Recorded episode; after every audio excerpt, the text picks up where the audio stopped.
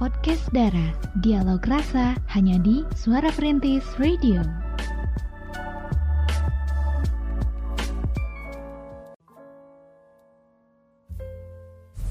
sembilan tiga poin satu FM Radio Suara Perintis My City, My Radio, Jekrem luar biasa Assalamualaikum warahmatullahi wabarakatuh. Selamat malam pemerhati semuanya. Gimana kabarnya di malam hari ini? Semoga pemerhati semuanya masih pada semangat.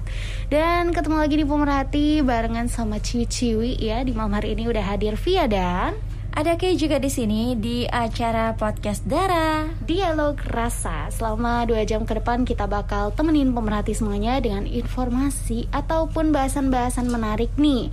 Tentang um, tema yang menarik ya pasti ya? Kalau misalnya kita lebaran nggak pernah nih kelewat yang bertanya sama kita pertanyaan-pertanyaan nyeleneh. Sebenarnya gak nyeleneh banget sih ya. Ada ada unsur kekepoan di dalamnya gitu. Nah mungkin nanti kita bakal bahas satu persatu pertanyaan yang memang familiar kita dengar saat lebaran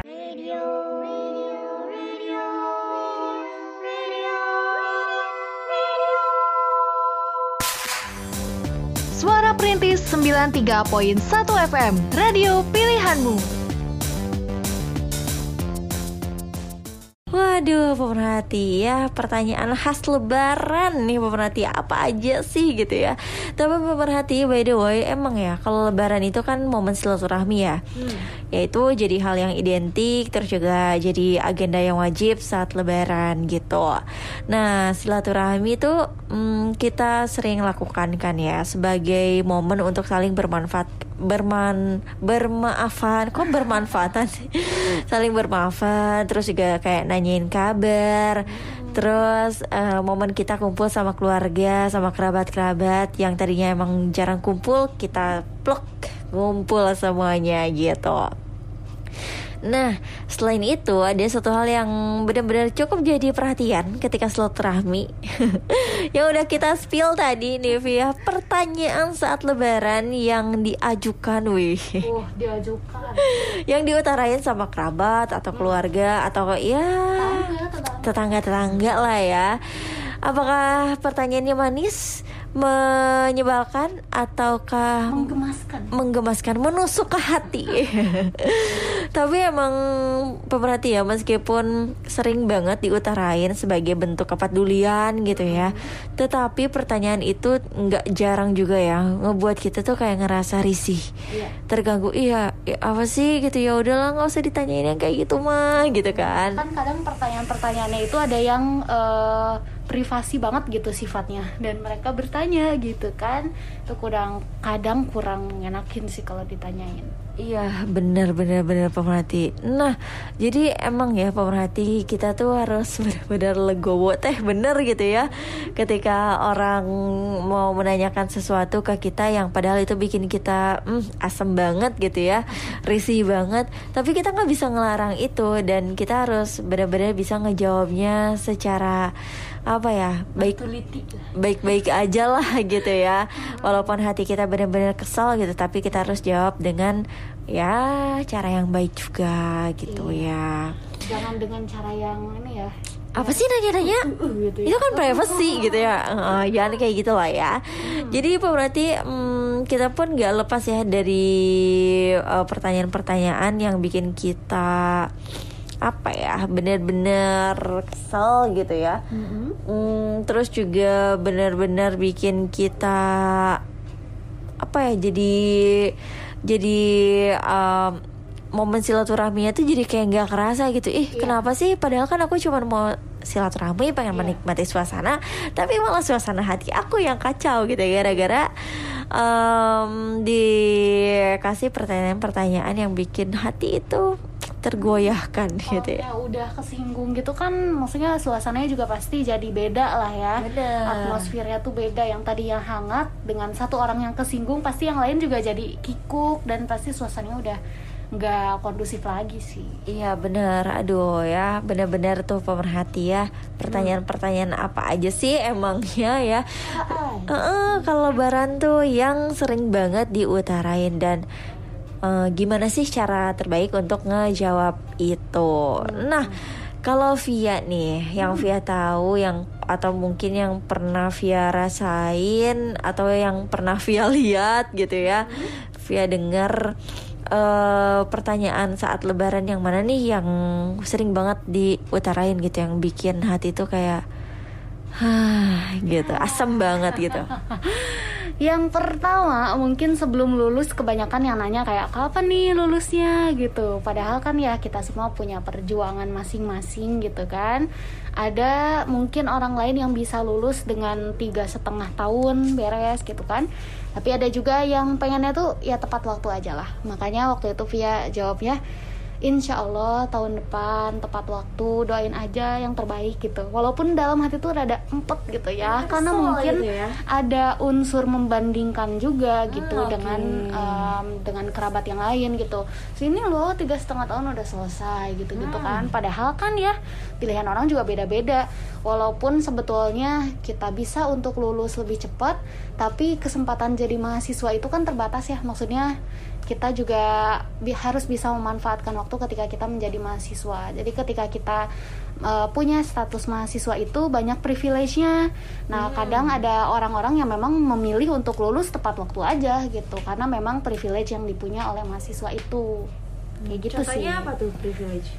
Privilege-nya misal ikutan lomba itu kan yang kecil-kecilannya kan banyak kan hmm. uh, lomba-lomba untuk mahasiswa hmm. terus juga nambah-nambah portofolio selama kita menjadi mahasiswa itu juga bermanfaat banget hmm. alih-alih kita magang setelah kita lulus kayaknya hmm. ada apa ya susah gitu peluangnya kalau misalnya masih hmm. jadi mahasiswa kan banyak peluang terus juga berorganisasi yang memang kita tuh diperbolehkan belajar gitu di organisasi itu. Sedangkan kalau kita udah lulus sudah gak jadi mahasiswa lagi ketika kita melakukan kesalahan ya kemungkinan besar gak akan dimaklumi dan lain sebagainya gitu. Oh, oke. Okay. jadi ya itu ya ada plusnya ada minusnya hmm. ya. Padahal kan kita keputusan sendiri gitu. Hmm benar banget. mereka membandingkan Iya, nah kayak paling gak suka nih kalau ada orang yang udah ngebanding-bandingin ya.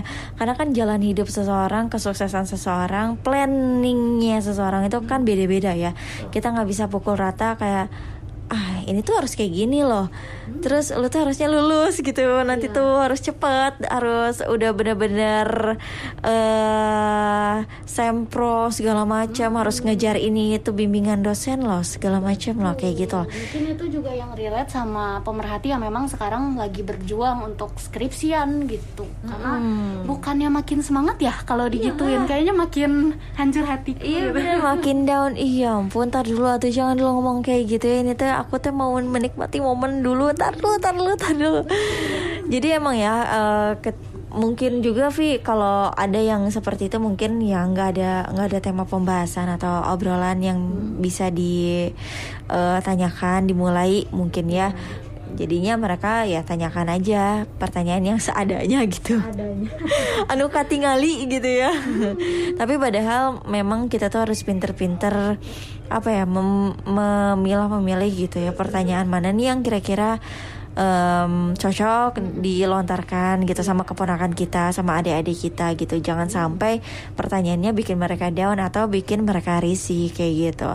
Nah uh, ada juga nih pertanyaan yang benar-benar apa ya mm, bikin risih gitu ya. Dan pastinya pemerhati juga pernah merasakan ini yang pertama kapan punya momongan gitu kapan oh. punya anak gitu ya atau udah yang udah punya anak nih kapan nambah anak hmm. hmm.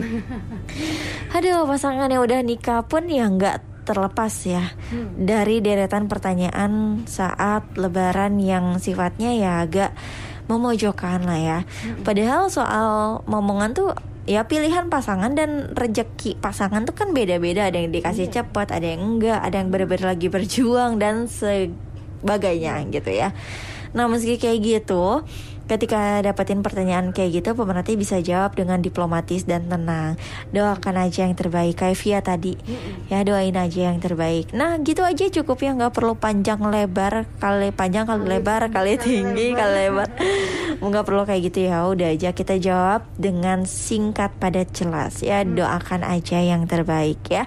Iya. Daripada kita ngejawab panjang kali lebar kali tinggi ya. Ya pakai emosi juga gitu. Kayaknya makin memperkeruh suasana silaturahmi. Iya benar. Dan di situ juga bakal apa ya bakal bikin pemerhati jadi eh, menuai konflik gitu ya sama yang lainnya gitu ya. Jadi mendingan pemerhati jawab dengan eh, singkat padat jelas tapi tetap attitude-nya ya harus dikedepankan gitu ya saja.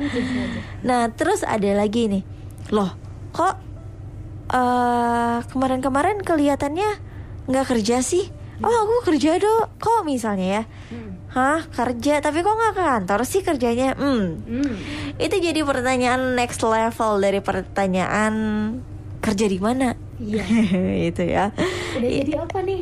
Udah jadi apa nih? Udah jadi orang belum? Emang kemarin Aduh, ya apa gitu ya. Tapi emang Vi nggak aneh banget ya karena kerja dari rumah masih ya masih eh, asing lah ya da- di budaya kita ya meskipun di pandemi ini kita benar-benar udah diakrabkan gitu gitu dengan dunia virtual gitu ya. Apalagi sekarang tuh lagi trennya ini job remote. Jadi kita bisa ngerjain dari rumah project apa pun itu gitu. Jadi kayak betulan kita kerja, kita dibayar tiap bulan, tupoksinya sama yang kantoran, tapi kita dari rumah gitu ngerjainnya. Nah, itu dia ya yang harus kita tahu. Nanti bisa dikasih tahu tuh ke keluarga atau kerabat yang bilang kayak gitu misalnya, kerjanya kok nggak ke kantor sih? Ya tidak harus selalu kerja itu ke kantor ya, pemerhati apalagi pandemi kayak gini. Meskipun emang kita udah diakrabkan dengan dunia virtual yang aku bilang tadi, pemerhati ya. Tapi sebagian orang besar eh, besar sebagian besar orang kok sebagian orang besar Sebagian besar orang nganggap kalau kerja yang sebenarnya tuh adalah pergi ke kantor mulai dari jam 8 sampai jam 5 sore pulang ke rumah. Terus juga em, misalnya ini pekerja modern lah atau freelance yang biasa kerja secara remote yang kata Via bilang tadi yang mungkin agak kebingungan juga ya ketika mendapatkan pertanyaan ya macam kayak gitu lah ya. Ya Padahal tapi proyekannya puluhan juta misalnya. Wih, kan eh, who knows gitu ya. Tapi pemerhati balik lagi ke tengah pandemi kayak gini banyak juga kan ya karyawan yang kerja dari rumah. Jadi pertanyaan kayak gitu, misalnya pemerhati mm, dapetin gitu ya. Kerja kok nggak ke kantor sih pemerhati bisa jawab. Lagi pandemi ini banyak yang kerja dari rumah sekarang jadi nggak harus ke kantor. Nah itu aja selesai. Mantap ya Dan yang pasti Kalau misalnya pemerhati semuanya ketemu dengan pertanyaan-pertanyaan seperti itu Bisa dijawab dengan singkat padat jelas. 93.1 FM. Tapi sebetulnya menurut Via ya ada beberapa niat sih ketika eh, ada tetangga ataupun kerabat yang memang bertanya yang bikin kita kurang nyaman gitu. Bisa jadi nih selain dia nggak punya topik dia juga memang kepo. ataupun memang sengaja memancing-mancing keributan. kan katanya kalau gak seru gak rame katanya gitu. Waduh, tapi nggak harus dengan seperti itu juga ya. Masih banyak eh, poin-poin lain yang lebih mengenakan gitu ya. Hmm. Dan juga kalau misalnya pemerhati relate dengan pertanyaan yang mungkin eh, berkaitan dengan pendidikan semacam kapan lulus kuliah gitu. Itu kan bisa jadi apa ya? bikin kita kurang nyaman juga gitu. Khususnya untuk pemerhati yang memang sedang berjuang skripsian, lagi berjuang penelitian gitu kan. Semuanya ini butuh proses dan prosesnya itu melelahkan. Dan kalau misalnya pemerhati di titik lelah ini ditanyain kayak gitu kayak kapan lulus? Anak om udah lulus katanya gitu kan. Kenapa kamu masih belum lulus atau mungkin untuk pemerhati yang memang sudah tahunnya seharusnya lulus tapi belum bisa lulus karena satu dan lain hal. Sehingga harus apa ya memperpanjang gitu ya ke semester 8 ataupun 9. Nah, nggak usah apa ya? nggak usah malu sebetulnya ya karena nggak ada yang salah gitu dengan pendidikan walaupun kita terlambat lulus asal kita benar-benar bertanggung jawab gitu Benar. kalau menurut Via tapi nih kadang ada aja yang tidak mengerti itu dan juga mungkin bertanya kamu mah ngebebanin orang tua ya jadi weh bayarin deh misalnya kayak gitu kan. Padahal kan ya ada perjuangannya masing-masing. Kalau memang belum rezekinya lulus ya seberjuang apa pun pasti ada pembelajaran ada hikmah di baliknya gitu. Tapi nih untuk pemerhati semuanya FYI biasanya emang jadi sasaran pertanyaan ini dah ada anak-anak memang yang masih kuliah dan orang tuanya yang memang masih mengenyam pendidikan gitu. Terutama bagi mereka yang masih berjuang menyelesaikan skripsinya. Kalau misalnya kita dapetin pertanyaan kayak gini, ini pastinya sangat menyakitkan ya karena yang tahu perjuangan penjuangan perjuangan perjuangan kita itu ya kita sendiri, kita yang tahu gimana lelahnya skripsian, kita yang tahu gimana mentoknya kita pas skripsian dan orang lain mungkin tidak merasakan hal yang sama dengan kita gitu kan. Yang pastinya kalau ditanyain ke kita itu bisa ngerusak mood banget ketika lagi menikmati momen lebaran. Dan juga pemerhati, walaupun begitu pertanyaan ini tuh sebetulnya bisa jadi motivasi ya kalau kita lihat positifnya supaya bisa nyelesain perkuliahan dengan lebih cepat. Jadi kayak ya udahlah gitu anggap aja bensin nih biar Ya, kita skripsian makin semangat. Tapi sebenarnya kan ada hal yang lebih baik ya. Alih-alih nanya-nanya yang kayak gini gitu kan. Tapi kalau misalnya masih ngerasa keganggu sama pertanyaannya coba curhat aja sama banyaknya tenaga yang terkuras untuk menyelesaikan pendidikan dan juga berikan pemahaman kepada kerabat tersebut. Jadi kayak kita coba jelasin aja sedikit dari perjuangan kita. Ini loh om. Tante sekarang tuh lagi nyusun skripsi. Alhamdulillah udah sampai bab 5 tinggal nunggu revisi misalnya gitu kan. Nah nanti mereka tuh bisa lebih oh oh ya gitu. Kalau misalnya nggak masih kurang puas atau gimana ya udah minta doanya aja. Itu mah udah paling mentok ya pemerhati pokoknya kita bilang dulu aja gak ada salahnya sih kita bercerita sedikit gitu kan bahwa proses skripsi tesis ataupun semacamnya jadi terhambat karena susah ngambil data di lapangan misalnya ataupun dospemnya slow respon dan lain sebagainya. Nah kita coba aja cerita gitu. Semoga aja nih kerabat ataupun keluarga yang bertanya bisa lebih paham sama hal ini Nah, lantas berbalik ngasih semangat untuk kita kayak oh dospemnya ya yaudah semangat ya pokoknya sabar ntar juga dibales gitu kan misalnya kayak gitu. Itu bisa lebih menenangkan hati kita yang lagi pada dikejar-kejar deadline skripsi. Tapi kayak pernah relate gak sih sama kondisi yang satu ini? Kayak ditanyain gitu kapan lulus? misalnya. Wah pernah banget nih pemerhati ya Saat-saat masuk ke bab 3 nih Di saat yang lain udah masuk bab 4 Terus di saat yang lain udah kayak nyiapin administrasi Apa sih persiapan sidang dan lain-lain gitu ya. Wah jangan sampai nih aku ikut kloter kedua nih sidangnya gitu ya. Nah di situ aku pernah ditanyain nih pemerhati loh kok yang lain udah udah ngebut? Kok kamu masih stuck sih? Hmm oh my god gitu ya. Karena kan eh, apa ya proses demi prosesnya tuh kan beda-beda. Ada yang dapat dosen pembimbing yang benar-benar hmm, memberikan kemudahan gitu ya. Ya udah lanjut lanjut lanjut. Ada yang benar-benar detail ada yang benar-benar selektif dan se- semacamnya gitu ya pemerhati nah kebetulan kayak benar-benar dapat eh, dosen pembimbing yang profesor yang jarang banget di di kampus gitu ya benar-benar sibuk dan susah diketemuin. Dan kayak di situ harus benar-benar bisa eh, menyesuaikan jadwal dengan beliau gitu ya pemerhati. Jadi benar-benar susah gitu ya. Nah sebenarnya itu agak menghambat sih ya. Tapi alhamdulillahnya eh ya dosennya kooperatif gitu ya Eh, mau mau mau ikut aku lari gitu ya untuk ngejar sidang. Tapi di di saat-saat kayak gitu kadang memang orang-orang nggak mengerti kita ya dengan proses demi proses yang kita jalanin gitu ya pemerhati. Kan mereka nggak tahu ya mereka cuman kayak bisa ngekomen gitu aja loh oh kamu belum selesai dan bla bla bla. Ya udah do aku cuman bisa jawab nih pemerhati. Ya udah doain aja yang jelas nanti aku bakal selesai tepat waktu. Ya masih banyak waktu beberapa bulan lagi ya. Nah kayak eh, ngejawabnya cuman gitu doang sih. Karena kalau Hah, detail banget dijelasin ini loh prosesnya A B C D. Wah, mereka juga belum tentu ngerti gitu kan. Dan mereka juga mungkin aja belum tentu pengen tahu gitu gimana proses dan semacamnya. Jadi ya dijawab kayak gitu aja.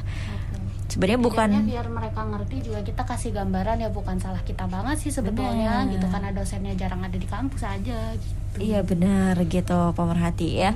Hmm, sebenarnya bukan cari aman sih dengan kita jawab kayak gitu, lebih ke menghindari konflik lah ya supaya tidak ada keburukan di antara satu dan lainnya gitu. Hmm, tapi memang sih ya eh, mungkin keluarga, kerabat, kalau orang tua pasti ngerti ya karena mungkin tiap hari ngelihat kita berjuang juga.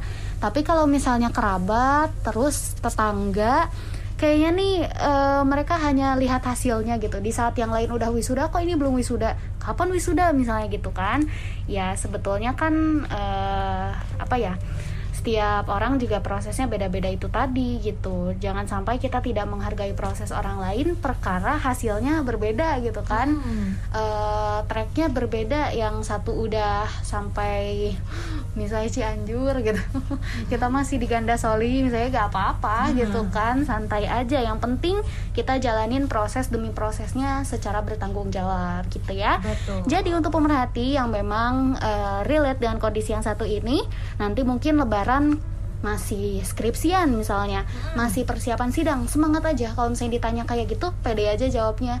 Alhamdulillah nih udah sampai bab ini cuman ya masih nunggu revisi atau gimana gitu ya.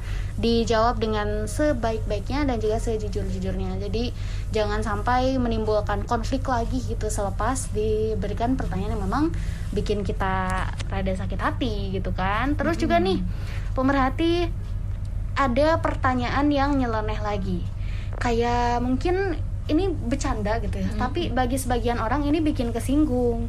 Body shaming lah ya dibilangnya. Gimana tuh? kamu kok gendutan katanya gitu. Kamu kok kurusan kamu stres ya. Kamu kok nikah malah kurusan stres ya gitu kan. Nah, sebetulnya percakapan tentang fisik ketika lebaran sepertinya masih masuk dalam daftar pertanyaan yang emang bisa bikin siapa aja ngerasa gak nyaman gitu kan. Sebetulnya apa sih manfaatnya? Kalau nanyain kok gendutan, Iya, kok kurusan gitu ya? Apa gitu Iya. ya? apa manfaatnya gitu kalau misalnya kita bertanya ataupun mengomentari hal yang terkesan negatif gitu kan faktanya nggak semua orang seneng dikomentarin fisiknya kalau misalnya dapat pertanyaan body shaming kayak gini pemerhati eh, misal ditanya nih kayak kok gendutan kok jadi kurusan ya makanya nggak usah khawatir nih pemerhati. Jadi jangan dimasukin ke hati jangan khawatir. Pokoknya ketika pemerhati melakukan video call misalnya matiin aja kalau dia udah kalau dia udah body shaming dan bahkan ngebahas soal pola hidup kita sih yang gini-gini kamu sih ngemil mulu gini-gini gini udah matiin Ah, aja pandemi gitu sih. Makanya kalau pandemi itu kalau misalnya lagi eh WFH itu jangan sambil ngemil fokus aja kerja. Jadi kan gendut deh. Hmm. Hmm, pokoknya hal-hal yang memang berkaitan dengan body shaming dan mereka mengomentari gitu cara kita menjalani hidup kita. Walaupun kita misal udah e, mencoba sebaik-baiknya gitu ya supaya berat badan kita turun ideal ataupun bagaimana gitu ya itu gak usah dimasukin ke hati deh. Yang penting e, kita anggap aja angin lalu kayak oh iya ini sebetulnya masih berjuang kok diet tiap hari juga alhamdulillah minum air putih cukup misalnya gitu. Doain ya semoga turun. Ya balik lagi doain. Iya, benar. jawaban yang bagus gitu ya daripada kita eh, kesinggung. Emang kenapa sih kalau gue gendut? Emang masalah gue gitu. Nah itu malah jadi masalah gitu. Nantinya silaturahminya bisa jadi nggak jalan lagi. Benar. Gitu pemerhati Suara Perintis 93.1 FM Teman setia sepanjang masa. Jadi selepas tadi kita udah kasih tahu beberapa pertanyaan yang relate banget kayak kamu kok gendutan? gitu kan, kapan lulus, kok nggak kerja ke kantor, kapan punya anak? dan lain sebagainya, kita bakal spill satu pertanyaan yang familiar banget buat pemerhati yang memang udah cukup umur tapi mungkin belum terlihat apa ya eh, persiapan-persiapan menuju pernikahan gitu. Waduh, ya pertanyaan yang familiar tapi horor ya. Horor. Aduh, pemerhati semuanya, gimana sama saudara atau keponakan yang masih single atau pemerhati yang masih single? Hmm, pastinya sering banget ya dapat pertanyaan kapan nikah atau kapan nyusul saudara nikah. Aduh, bener-bener horor ya pertanyaan yang satu itu bisa mancing emosi ya. Pemerhati setuju nggak, Vi? Kalau panjang emosi? Banget karena eh, sebetulnya nggak sedikit adik tingkat ataupun adik kelas yang memang udah duluan menikah gitu kan terus kadang eh, yang punya info kalau si A udah menikah dan nanti tuh nanya ke Vianya tuh si itu aja umur segini udah nikah. Kamu kok umur segini belum apa-apa sih? Gitu. Kayak ngeselin banget ya. Ya balik lagi itu yang ngebanding-bandingin lagi deh jatuhnya ya. Bener-bener memancing emosi ya. Tapi aduh. Tapi tau gak sih pemerhati masalah pernikahan itu Menurut Kay ya Salah satu hal yang paling sering ditanyakan Dan itu sebenarnya privacy loh ya Tapi tahu nggak sih emang ya pemerhati bukan hanya momen lebaran aja itu ditanyain, tapi juga momen acara keluarga lainnya gitu. Atau ya paling eh, nanyanya simpel menurut mereka, cuma itu bikin kita benar-benar emosi ya. Hmm, nggak hanya di acara keluarga, tapi saat kita ronian. Hmm. Eh kapan nyusul si A? Kapan nyusul si B? Eh kapan tunangan? Aduh pacaran mulu. KPR KPR lunas tuh gitu ya. Pacaran berapa tahun? Aduh pacaran lima tahun mah udah bisa antar anak ke PAUD kali. Wah, dan bla bla bla. Lalu kadang komennya gini, pacaran mah gak usah lama-lama katanya. Udah langsung nikah aja nanti juga rezeki mah ngikutin. Waduh, emangnya rezeki dari langit datangnya.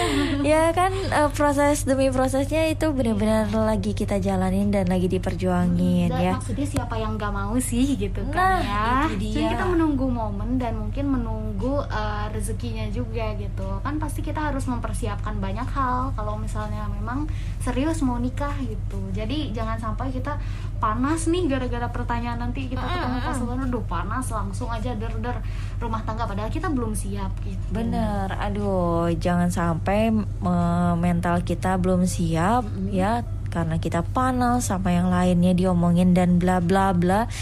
Itu berujung petaka, ya.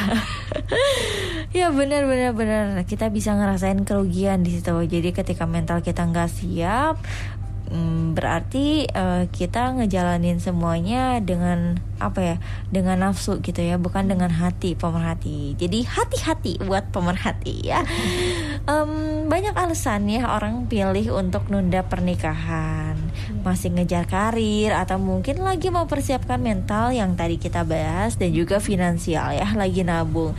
Kecuali nih mohon maaf.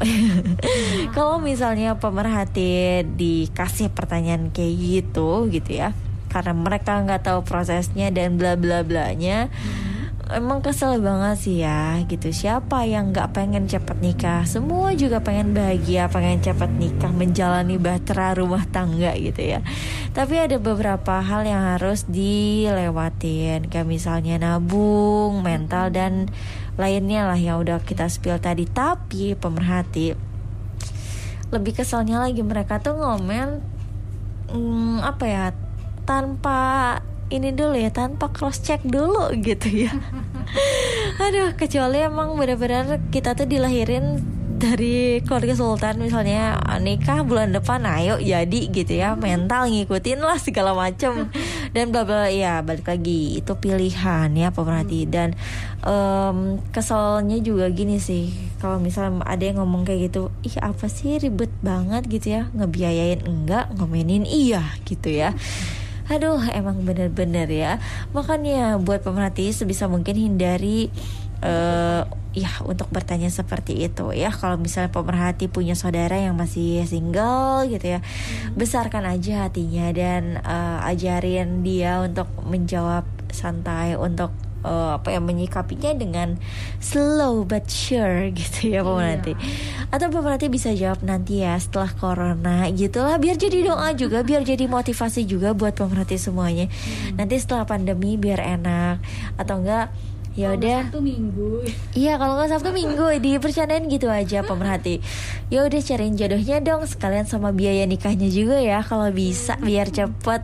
Nah kan itu bener-bener bisa menampar ya, menampar eh, orang yang ngasih pertanyaan gitu ke kita. Ya dijawab aja kayak gitu ya. Tapi juga hati-hati nih untuk pemerhati yang memang eh, memang peduli gitu ya dari hatinya, pengen bertanya hal yang memang masih sifatnya privasi gitu kan. Ketika momen lebaran ini bisa aja nih pasangan kita tuh bertamu ke rumah gitu kan. Biasa silaturahmi mah pasti ada gitu. Kita sama teman biasa aja ada silaturahmi apalagi sama calon gitu. Tapi memang masih on the way. Tapi jangan sampai nih ketika si calonnya ini datang gitu kan bertamu silaturahmi dan malah ditembak di sana. Maksudnya kayak ayo tuh kapan nikahnya nggak nggak nikah nikah wae misalnya kayak gitu. Itu kan nggak enak ya dan juga sebetulnya nggak kurang etis menurut via pribadi. Jadi mungkin untuk pemerhati yang memang punya kepedulian memang serius peduli gitu ya mungkin bisa ditahan aja pertanyaannya jangan pas ada orangnya yang bersangkutan bertamu ke rumah gitu Iya, atau bisa eh atau kalau bisa ya jangan menanyakan hal sensitif seperti itu ya. Iya. Ya mendingan kita semangatin aja. Eh, semangat ya. Eh, mudah-mudahan dapat jodohnya didoain gitu. mudah-mudahan ada rezekinya gitu. Ya, mudah-mudahan ada rezekinya. Eh, dilancarin selalu ya. Mudah-mudahan mendapatkan jodoh yang terbaik buat kamu. Semangat. Kalau kalau misalnya mau sharing ayo boleh yuk skoy. Kita nongki di mana nih kan lebih asik kayak gitu ya daripada kita ngelontarin pertanyaan yang jatuhnya tuh tuh jadi kayak ngejudge ah lu mah nggak laku sih gitu ya.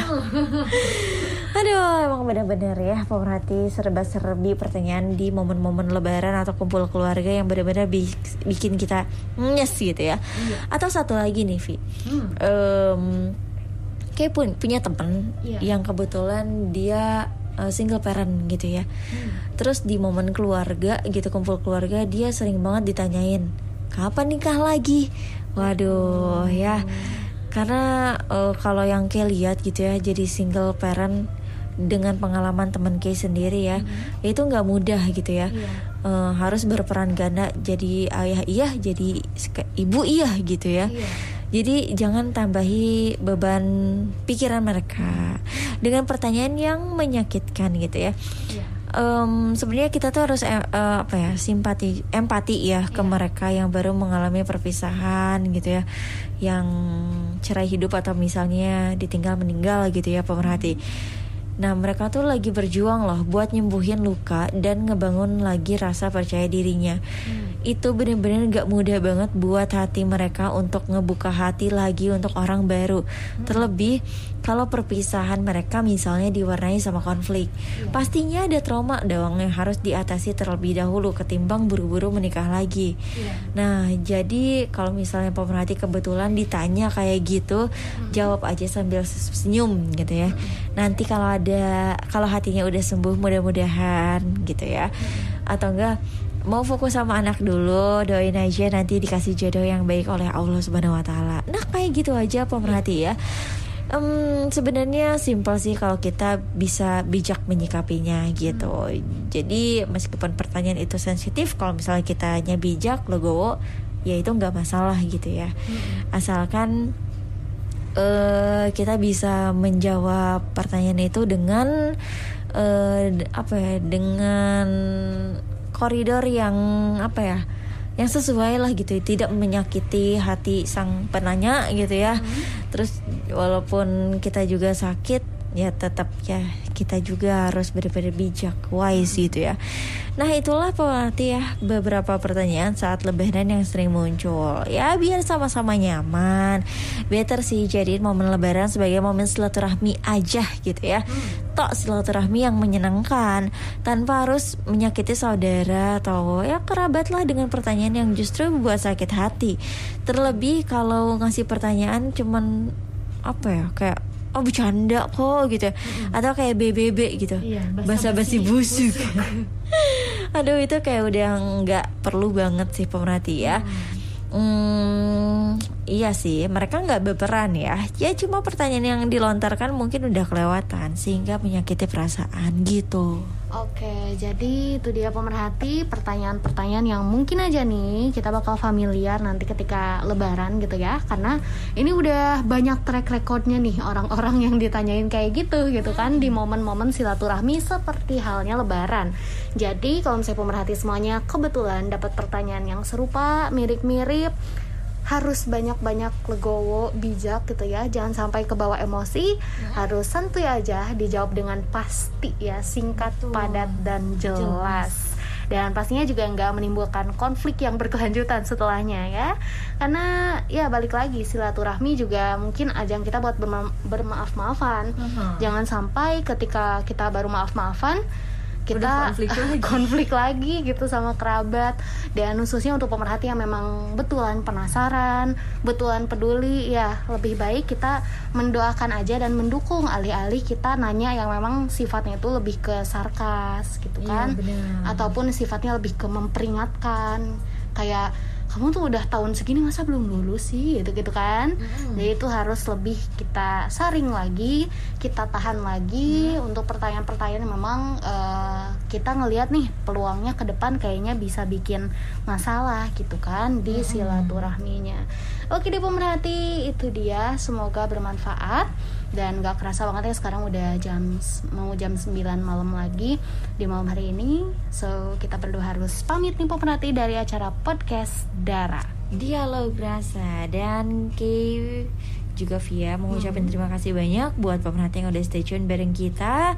Semoga uh, pembahasan kita di malam hari ini bisa jadi inspirasi dan juga pencerahan mungkin ya buat pemerhati semuanya. amin akhir kata Via pamit Kay juga pamit. sampai bertemu di podcast Dara minggu depan Wassalamualaikum warahmatullahi wabarakatuh.